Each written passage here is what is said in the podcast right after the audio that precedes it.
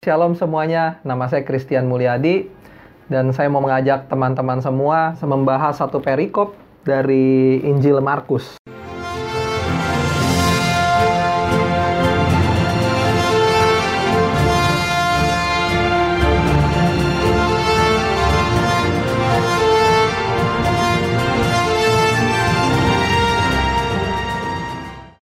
Kita lihat Injil Markus bab 4 ayat 35 sampai dengan 41.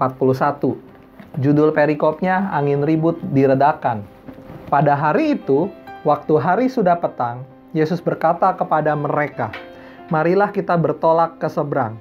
Mereka meninggalkan orang banyak itu lalu bertolak dan membawa Yesus beserta dengan mereka dalam perahu di mana Yesus telah duduk dan perahu-perahu lain juga menyertai dia. Lalu mengamuklah taufan yang sangat dahsyat dan ombak menyembur masuk ke dalam perahu, sehingga perahu itu mulai penuh dengan air. Pada waktu itu Yesus sedang tidur di buritan di sebuah tilam. Maka murid-muridnya membangunkan dia dan berkata kepadanya, Guru, engkau tidak peduli kalau kita binasa? Ia pun bangun, menghardik angin itu dan berkata kepada danau itu, Diam, tenanglah. Lalu angin itu reda dan danau itu menjadi teduh sekali. Lalu ia berkata kepada mereka, "Mengapa kamu begitu takut? Mengapa kamu tidak percaya?"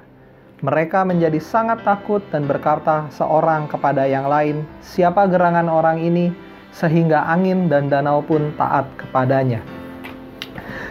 Saudara dan teman-teman sekalian, kita sering dengar perikop ini.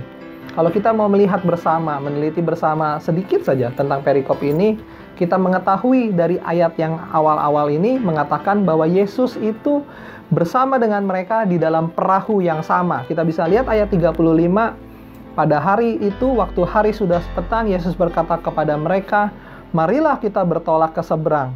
Mereka meninggalkan orang banyak itu lalu bertolak dan membawa Yesus beserta dengan mereka di dalam perahu. Jadi mereka pergi ke satu tempat dengan menggunakan fasilitas perahu, tetapi kemudian Yesus rupanya bersama-sama juga tinggal bersama mereka. Dan sering kali perahu ini sering kali dianalogikan sebagai persatu perjalanan kehidupan manusia. Dan dalam menjalani hidup kita semua, kita pasti sebagai anak-anak Tuhan membawa Yesus di dalam kehidupan kita juga. Dalam menjalani hidup kita, rupanya kita nggak pernah sendirian. Kita bawa Yesus di dalam perahu yang sama mengarungi kehidupan ini. Namun, begitu juga dengan kehidupan ini, sering kali ada begitu banyak badai kehidupan yang terjadi di dalam hidup kita. Di tengah perjalanannya ada ombak, ada tofan, ada badai yang cukup besar. Bahkan kalau kita bisa mengingat-ingat banyak para rasul itu sebenarnya adalah seorang nelayan. Mereka ini adalah orang-orang yang sebenarnya sangat ahli di dalam berlayar dan berperahu. Tetapi kemudian, kenapa mereka kali ini sampai ketakutan kalau tidak kita baca di dalam perikop ini? Rupanya jangan-jangan kali ini badainya cukup besar. Dikatakan di dalam firman Tuhan di dalam perikop itu bahwa badainya ini sangat besar sehingga perahunya mulai kemasukan air. Begitu juga dengan kehidupan kita. Badai kehidupan kita silih berganti datang tetapi ada badai-badai kehidupan yang rupanya cukup besar yang mulai menggoyahkan iman kita.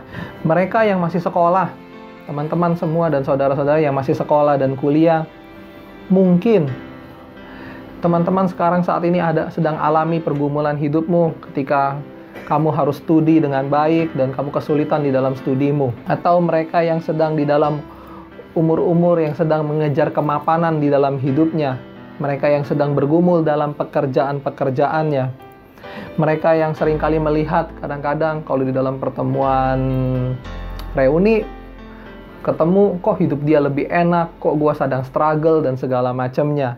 Ada banyak hal-hal tuntutan-tuntutan dari sekitar orang-orang sekitar kita, seperti orang tua kita memaksa kita menikah ketika kita sampai hari ini belum dapat pasangan hidup ketika kemarin mungkin lagi kumpul-kumpul keluarga, orang tua tanya, kapan nikah, udah punya pacar belum gitu ya. Atau ketika nanti kita sudah punya sudah nikah, selalu ditanya kapan punya anak gitu.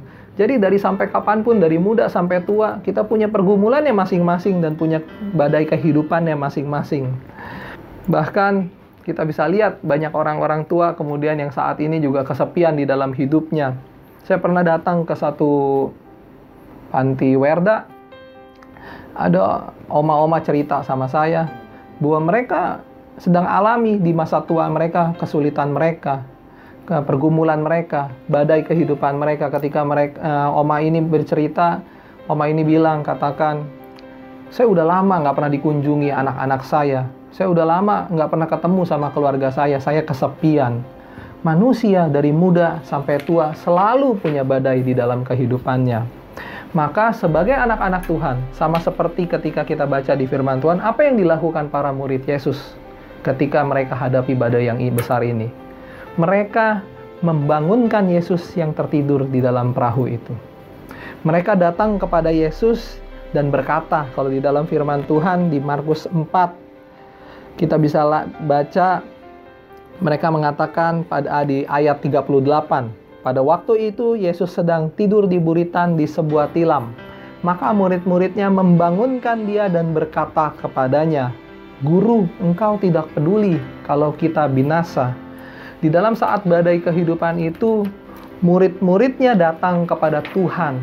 Itu hal yang tepat tentu sebagai seorang anak-anak Tuhan. Akan tetapi kalau kita lebih teliti dan kita telaah lagi, murid-murid ini datang kepada Tuhan dan berkata, "Guru, engkau tidak peduli kalau kita binasa." Seakan-akan perkataan ini, kalimat ini mengatakan bahwa Tuhan tidak peduli terhadap hidup mereka. Sering kali kita begitu juga dengan kita semua Seringkali kita bisa berdoa sama Tuhan, bukan berdoa dengan baik dan benar. Rupanya kita berdoa dan tanya sama Tuhan, Tuhan lu nggak peduli sama hidup gua. Tuhan, kalau saya bisa boleh terjemahkan dalam bahasa bebas gitu ya. Kadang-kadang kita ketika kita hadapi masalah misalnya, ketika kita sedang bergumul dengan cicilan hutang kita gitu. Lalu kita berkata di dalam doa kita, Tuhan, lu nggak peduli tentang bahwa saya nggak bisa bayar cicilan hutang ini. Seakan-akan dengan nada pesimis dan berprasangka kepada Tuhan bahwa Tuhan tidak peduli dalam hidup kita. Ini kalimat yang negatif, kalimat yang penuh pesimistis, kalimat yang tidak mempercayakan hidup kita kepada Tuhan sepenuh-penuhnya. Ini versi Markus yang kita baca. Tetapi kalau kita baca di dalam versi Lukas, jadi cerita tentang angin ribut diredakan ini ada di dalam Injil Sipnotik. Dari Injil Markus ada, Lukas ada, Matius ada. Kalau di dalam versi Markus, Dikatakan guru engkau tidak peduli kalau kita binasa pakai tanda tanya. Versi Lukas mengatakan guru, koma guru kita binasa pakai tanda seru. Versi Matius bilang Tuhan tolonglah kita binasa. Semuanya ini para murid ini mengatakan kepada Yesus, datang kepada Yesus, tetapi mereka lupa sebenarnya apa yang Yesus sanggup lakukan di dalam hidup kita semua. Manusia cepat melihat masalah, cepat melihat pergumulan dan struggle, tetapi selalu lamban melihat rahmat Allah di dalam hidup kita semua. Gak ada satu orang pun yang datang kepada Tuhan dan mengatakan, Tuhan, badai ini besar, pergumulan ini berat, tetapi karena aku satu perahu sama engkau, engkau bersamaku, aku fine-fine aja di dalam hidup ini. Maka marilah kita datang kepada Tuhan di dalam berbadai dan pergumulan hidup kita, kita berdoa sama dia, tetapi kita harus ingat bahwa Yesus sanggup, Tuhan sanggup lakukan segala perbuatan yang ajaib di dalam hidup kita. Demikianlah renungan singkat kali ini. Tuhan Yesus memberkati semuanya.